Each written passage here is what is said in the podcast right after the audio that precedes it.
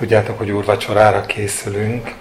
Én összevonom valahol majd a kettőt. Úgy értem, hogy most beszélek valamiről, ami szerintem összhangban van azzal, és aztán utána e, arra gondoltunk, hogy tényleg vacsora keretében, nem olyan pászka vacsora keretében, mint ami időnként húsvét környékén elő tud fordulni, de behozzuk az asztalokat. És, és a közben, hogy egyébként fogyasztjuk a, a vacsorát, eközben megemlékezünk a, a, a Jézus hagy, által ránk hagyott mondatokról is. Ha gondoljátok, fölmerült bennünk az, hogy amiről a Pászka szólt, az alapvetően évről évre a szabadulás hirdetése. A fogságból való szabadulás, de bármi olyan dolog, ami az Isten kegyelmét hirdeti. És nekünk már ilyenfajta népi hagyomány vagy kötődés ugyan nincsen, de e, mindannyian úgy élünk, hogy vannak olyan pillanati az életünkre, amire úgy emlékszünk vissza, hogy no, ez az Isten szabadítása volt. És nem gondolom, hogy egy ilyen alkalommal mindenkinek ilyenekről kellene beszélni, de hogyha csak akár három-négy, vagy kettő-három olyan bizonyságot hallgathatnánk, amelyik néhány percben eh, egy rövid eh, gondolat arról, hogy az ő életében mit jelentett a szabadulás, én azt hiszem, hogy akkor annak a szellemében járnánk el, amit ránk hagyott Jézus. De majd alakul, csak azért jelzem, hogy tudjatok közbe gondolkodni. Most imádkozzunk. Urunk, minden élet tőled jő.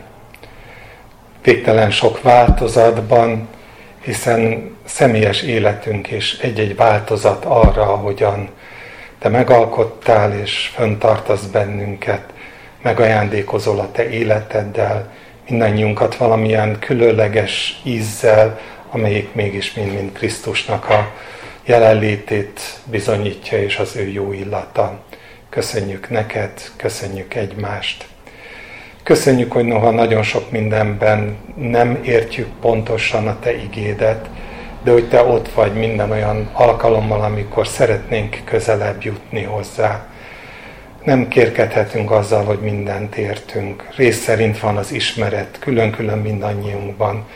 De engedd meg, hogy olyankor, amikor együtt vagyunk, ez valahol mégis azt mutassa, azt domborítsa ki, hogy te vagy az Úr, az Isten, aki uralkodsz mindannyiunk életében. Áld meg ezt a délutánt, az igét, áld meg azt, amikor rád emlékezünk, Jézus Krisztus, illetve a halálodra emlékszünk, amelyik, amelyik mindannyiunk számára olyan, olyan esemény volt, amely a megváltást, a szabadulást és az életet hozta te békességet és a kegyelmet töltse be ezt a néhány órát, amit együtt tölthettünk. Kérjük tőled a Jézus Krisztusért. Amen.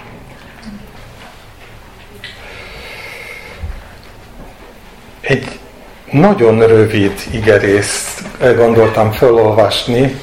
Az egyik legrövidebb a Bibliában, nem lesz ismeretlen a 133. Zsoltár. Azért nem mondom, hogy a legrövidebb Zsoltár, mert még van belőle talán kettő, amelyik ilyen nagyon rövid, de azok közé tartozik. 133. Zsoltár.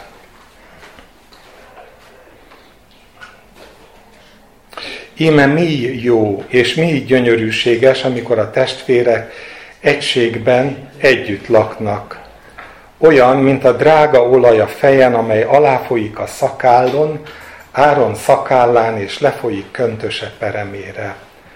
Olyan, mint a Hermon harmatja, amely leszáll a Sion hegyére. Csak oda küld áldást az Úr és életet örökre. Hát tényleg meglehetősen rövid Zsoltár, és meglehetősen olyan képek tarkítják, amiről hát kinek mi jut eszébe, de, de legtöbbször nem nagyon tudunk vele mit kezdeni. Egységről szól, aztán Áron fejéről, aztán Áron szakálláról, aztán a köntösének, vagyis a palástjának a gallérjáról, pereméről,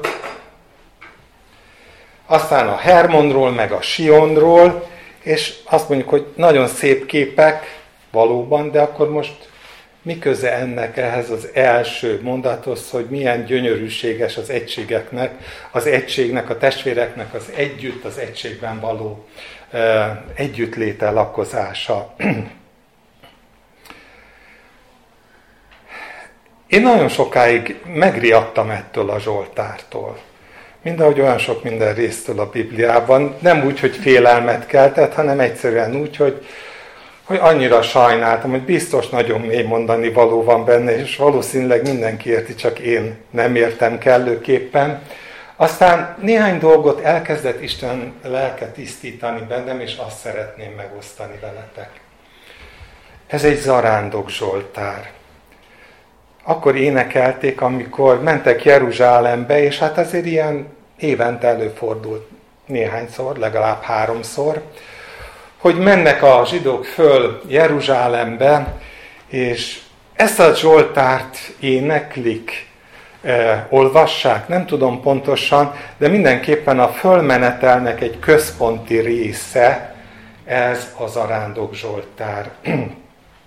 hogy milyen jó, amikor egységben vagyunk. És gondoljatok bele,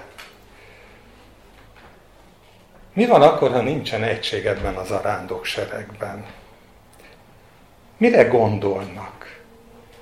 Mi az, ami mikor a szabadulásra emlékezve fölmennek Jeruzsálembe, akkor mindannyian ott hordozzák a szívükben a gondolatot. Abban, hogy egyet gondolnak. Az dogmatikai kérdésekben, mindenben azonosak. A zsidóknál még akár el is tudom képzelni, hogy ez, ez, ez ott van a gondolatként a háttérben. De szabadulásról van szó. Arról van szó, hogy Isten megszabadított engem, és megszabadított téged, és megszabadította a másikat, és azt, aki a diaszpórában lakik, és azt, aki Jeruzsálembe föl tudja vinni, vagy föl tud menni a templomba gyakran, mindegyikük egyforma. Ez az egység, hogy Isten megszabadította őket. És talán ez az első olyan gondolat, aminél szeretnék egy percet időzni, mi 21. századi keresztények. Valószínűleg nagyon sokan nőttünk olyan kultúrában föl, ahol az egység az valami eh, intézményi rendhez való alkalmazkodás igénye, kényszere. Legyetek egyek, legyetek egységben. Milyen jó dolog, ha mindenki ugyanúgy gondolkodik, ha mindenki egy regula szerint jár, még idézni is lehet Pálnak ezeket a gondolatait, ami mind-mind egyfajta módon arra inspirált embereket, bennünket is arra igyekezett inspirálni, hogy gondolati síkon, eljárási síkon, gyakorlati síkon, minden síkon egyfajta ilyen uniformizált kiskatonák legyünk. Ez az egység. Ez lenne valóban az egység. Nyilván Isten lelke megválaszolja mindannyiunk életében, de valami olyasmit látok én, ami, ami arról beszél, hogy nem erről szólt. Sem az arándokoknak az éneke, amikor mentek föl Jeruzsálembe, sem Jézus Krisztusnak az imája a Gecsemáné kertben, amikor azt kérte, hogy adja meg Isten, hogy egyek legyenek, amint ő egy az atyával, úgy legyenek ők is egyek egymással, és a későbbiekben a páli levelek sem ezt sugalják.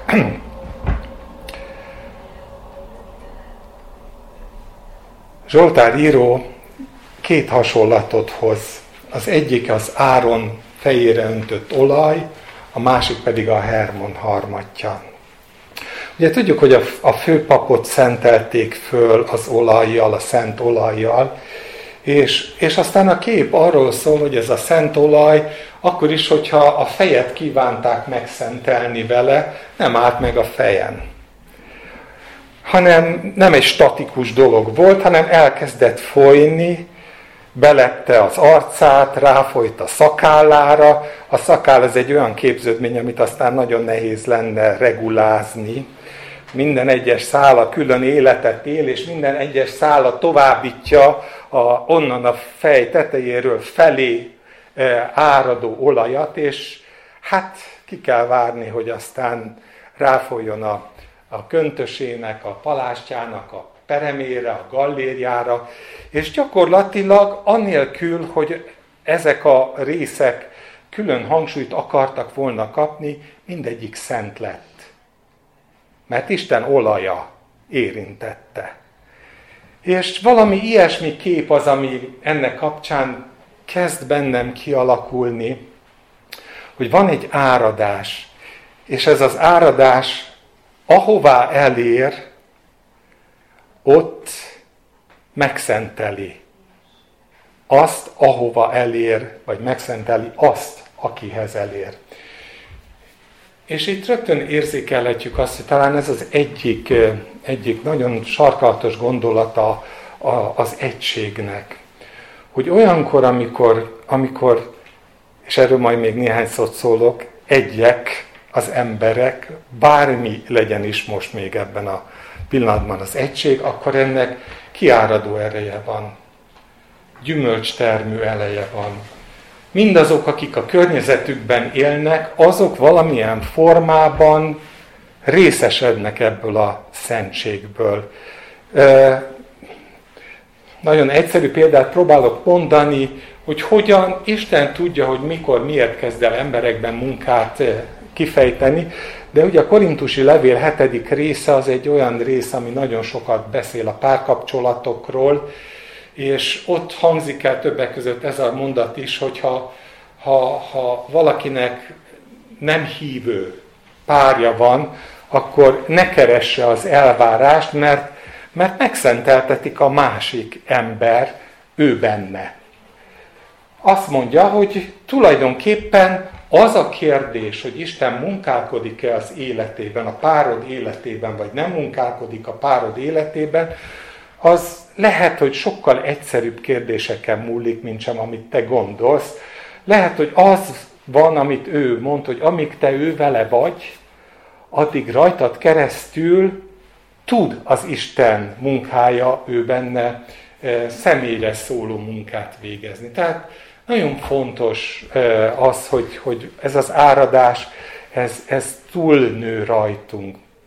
Tudjátok, hogy nekünk valóban talán a leg, egyik legfőbb vezérigénk ez a János evangéliumának a hetedik részében ez a bizony mondom, aki én bennem hisz, élővíznek folyamai áradnak elő annak belsejéből, és azt mondja, hogy szól pedig az Istennek a szent lelkéről, arról a szent lélekről, akit jelképezett a főpap fölkenésekor az olaj, az Istennek az olaja, amelyik, hogyha rá árad, hogyha kiárad rajta, akkor túlárad rajta, és, és bizony megszenteli azt környezetet.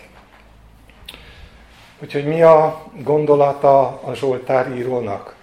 Az, hogyha van egység, akkor ez kiárad. És hogyha elolvassuk Jézusnak a gondolatait, amit itt a János Evangélium 17. részében mond, ott következőket írja a 20. verstől. Nem csak értük könyörgök, hanem azokért is, akik majd az ő beszédükre hisznek bennem, hogy minnyájan egyek legyenek. Atyám, mint te én bennem, és én te benned, ők pedig mi bennünk, hogy elhiggye a világ, hogy te küldtél engem. Majd később hogy tökéletesen egyé legyenek, és hogy megismerje a világ, hogy te küldtél engem, és úgy szeretted őket, amint engem szerettél. Nehéz lenne ennél, ennél egyértelműen megfogal, egyértelműbben megfogalmazni Jézusnak a gondolatát. Azt mondja, hogy annak a záloga, hogy a világ megismerje őt, és megismerje az atyát, annak a záloga az övéinek az egysége. Ha ez nincs meg, akkor nem fogja tudni megismerni rajtuk keresztül a világ. És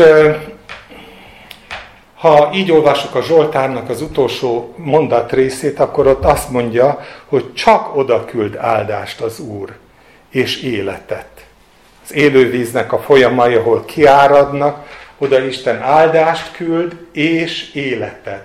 Termővé teszi, hogy az Ézsaiás mondja ezt a gondolatot, hogy nem tér vissza hozzám üresen, hanem megcselekszi azt, amiért küldtem, és termővé teszi a földet.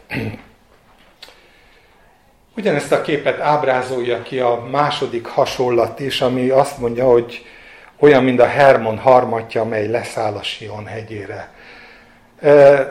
Túl azon, hogy a költői kép szép, de hát a Hermon a legmagasabb csúcsa Izraelnek, és, és ez nem Jeruzsálem.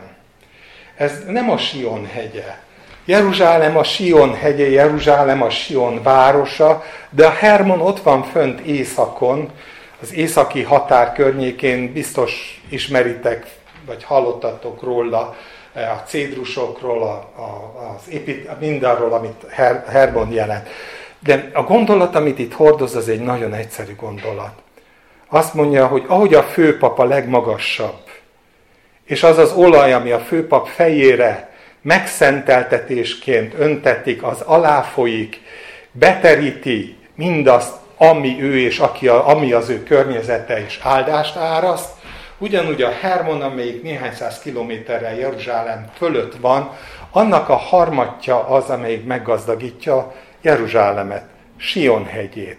És a szó szerint még a költői kép is azt mondja, hogy olyan, mint a Hermon harmatja, amelyik leszáll Sionnak a hegyére. És a gondolat ismét csak ugyanaz, hogy nincs távolság, nincs idő, nincsenek ezek a dimenziók. Egy dolog van, hogy ott, ahol ott van az Istennek a lelke, az kiárad, és messze távolba is gyümölcsöt terem. Mi akkor az egység? És talán erre az ellentét pár felelhet leginkább, és ez az úrvacsola gondolatába tartozik bele. Ott ülnek az úrvacsorán, és, és, és, és a tanítványok még mindig arról kezdenek el vitatkozni, hogy ki a nagyobb közülük. Tudjátok, ez az én talán úgy mondjam, hogy egyik legfontosabb, már-már szinte unásig emlegetett gondolat az életemnek, hogy ez az örök késztetés arról, hogy pozíciót szerezzen az ember, hogy egy kicsit több legyen, mint a másik. Hogy, hogy, hogy, hogy úgy érezze, vagy úgy érezze a környezete, hogy ő több, mint a másik. Ez egy ilyen nagyon-nagyon erős és örök késztetés. Ez történik az urvacsora alatt, és aztán Jézus erre való válaszképpen, nyilván nem csak erre való válaszképpen, de a szerkesztő Lukács úgy szedi össze ezeket, a, ezeket az eseményeket, hogy ebből ez is kiviláglik. Olvasom, majd versengés is támad közöttük arról, hogy kitekinthető közöttük nagyobbnak, ő pedig azt mondta nekik, a pogányokon királyaik uralkodnak, és akik a hatalmat gyakorolják fölöttük, jótevőknek hivatják magukat. Ti viszont ne így tegyetek, hanem aki a legnagyobb köztetek, olyan legyen, mint a legkisebb, és aki vezet, olyan legyen, mint aki szolgál. Mert ki a nagyobb? Az, aki az asztalnál ül, vagy aki szolgál? Nem, de aki az asztalnál ül. Én pedig olyan vagyok közöttetek, mint aki szolgál. És a válasz ebben egyértelműen megfogalmazódik. Arról beszél, hogy a ki a nagyobb, vagy ki a kisebb kérdésre, emberi kérdésre, az isteni válasz az az, hogy szolgálj. Szolgálj a másiknak, rendeld alá magadat a másiknak, Lásd be azt, amit az arándokok beláttak, hogy ti minnyáján egyenlők vagytok, ti minnyáján testvérek vagytok. Ti közöttetek nincsen Semmifajta különbség, és nem lehet különbség. Nem lehet arra hivatkozni, hogy szolga vagy, vagy szabad vagy, vagy gazdag vagy, vagy szegény vagy, vagy teológus vagy, vagy egyszerű földműves vagy, minnyáján egyek vagytok. És ezt az egységet azzal tudjátok eh, kifejezni, hogy szolgáltok egymásnak, és ez a fajta egység, amelyik a másik szolgálata annak elfogadásával, hogy mi mindannyian egyek vagyunk, ez az az egység, ami aztán olyan, mint a Hermon harmatja, vagy olyan, mint a Áron fejére öntött oraj, hogy kiárad, és az Isten parancsa szerint életet terem, gyümölcsöt terem. És valószínűleg nem utolsó sorban emögött ott áll a szellemvilág, a láthatatlan világ, amelyik, amelyik látja azt, hogy vajon a megvallásunk és a mindennapi cselekedeteink között harmónia van-e. Látja azt, hogy vajon amikor én az urvacsorában arról teszek bizonyságot, hogy egyek vagyunk, testvérek vagyunk, megszabadított bennünket Isten, személyesen mindannyiunkat megszabadította, és mindannyian halált érdemeltünk, és, és, és pont ezt, a, ezt hirdetjük, hogy Jézus halála váltott meg bennünket az Istennek a, a kárhoztató ítéletétől, akkor vajon a következő héten e szerint élek? Vagy pedig csak várom, hogy az Isten áldást adjon az életemre, hogy élet fakadjon a tevékenységem nyomán, miközben nyilvánvaló, hogy nem úgy élek. És a Zsoltárnak ez a záró gondolata, hogy csak oda küld áldást az Úr, és csak oda küld életet örökké, az valahol jelzi az Istennek ezt a abszolút érthető igazságosságát hogy ő odafigyel arra, hogy mit lát a szellemvilág, mit teszünk mi, mennyire van összhang a cselekedetünk és a megvallásunk között, és bizony, amikor elküldi az ő angyalait, hogy járjanak tábort az őt félők körül, és őrizzék az övéit minden ő útjaikban, akkor emögött ez a harmónia is szerepel. Ennek a, ennek a az általunk való ö, megélése. Úgyhogy kívánom azt, ö, hogy, hogy Isten áldja meg a következő ö, együttlétet, mármint az urvacsorában való együttlétet. Emlékezzünk valóban arra, hogy meghalt, értünk az Isten, a Krisztus, de hát mondom, nekem ez a gondolat nem egy ilyen minden következmény nélküli általános, ö, általános mondat, és nem csupán arról szól, hogy Krisztusom, hálát adok neked, hogy meghaltál, értem, megváltottál engem, befogadtál az országodba engem.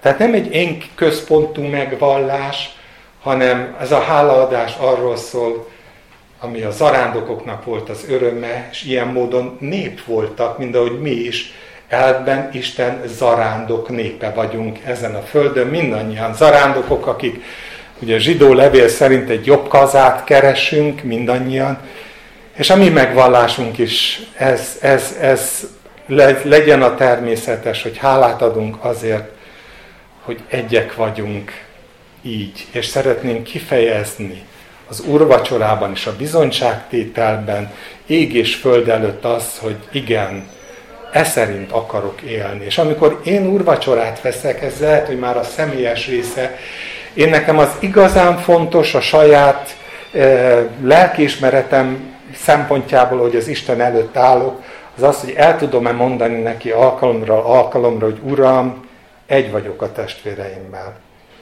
Nem több nem kevesebb, ti pedig minnyáján testvérek vagytok, és Uram, szeretnék holnap is egy lenni, nem csak az úrvacsora idején, és szeretnék holnap után is, szeretnék egész életemben azt, hogyha a mennyei sereg azt látná, hogy amikor én most ezt megvallom neked, ezt komolyan gondolom. És azt látná holnap, holnap után az embertársam és a mennyei sereg, hogy én ez a bizonyságtételem egy érvényes, valós bizonságtétel, amin megtörik az ördögnek minden ereje. Mert amikor mi így vagyunk egyek Krisztusban, akkor Isten parancsol, hogy áldás legyen, hogy kiáradjon, hogy gyümölcsöt teremjen, hogy harmónia legyen, hogy megismerje a világ azt, hogy ő Isten. Ebből ismeri meg. Minden egyéb erőfeszítésünk, erőködésünk nem több, mint emberi, gyarló gondolat arra, hogy hát, ha meg lehet ezt oldani másképpen is, mint sem, hogy belássam, hogy semmivel nem vagyok jobb, mint a egyik vagy a másik. És nem csak, hogy belássam, mert azt viszonylag hamar belátjuk, hanem, hogy mikor előjönnek az óemberi reflexek, akkor tudjunk győzni felette, és tudjuk megvallani a cselekedeteinkkel azt, hogy mi egyek vagyunk. Hát ebben nagyon Isten áldást kívánom. Amen. Imádkozzunk. Uram, én köszönöm neked, hogy megengedted, hogy, hogy valahogy, ha gyenge szavakkal is, de el tudjam mondani azt, amiben hiszek, ami a szívemen van, ami meghatározza az életemet, vagy a gondolkodásomat. Kérlek segíts, hogy a következő időszakban, negyed órában, fél órában a testvérek is megoszhassák mindazt, amit nekik mondasz. Egyéni szabadságuk és szabadulásuk élménye a többiek gazdagítására. Amen.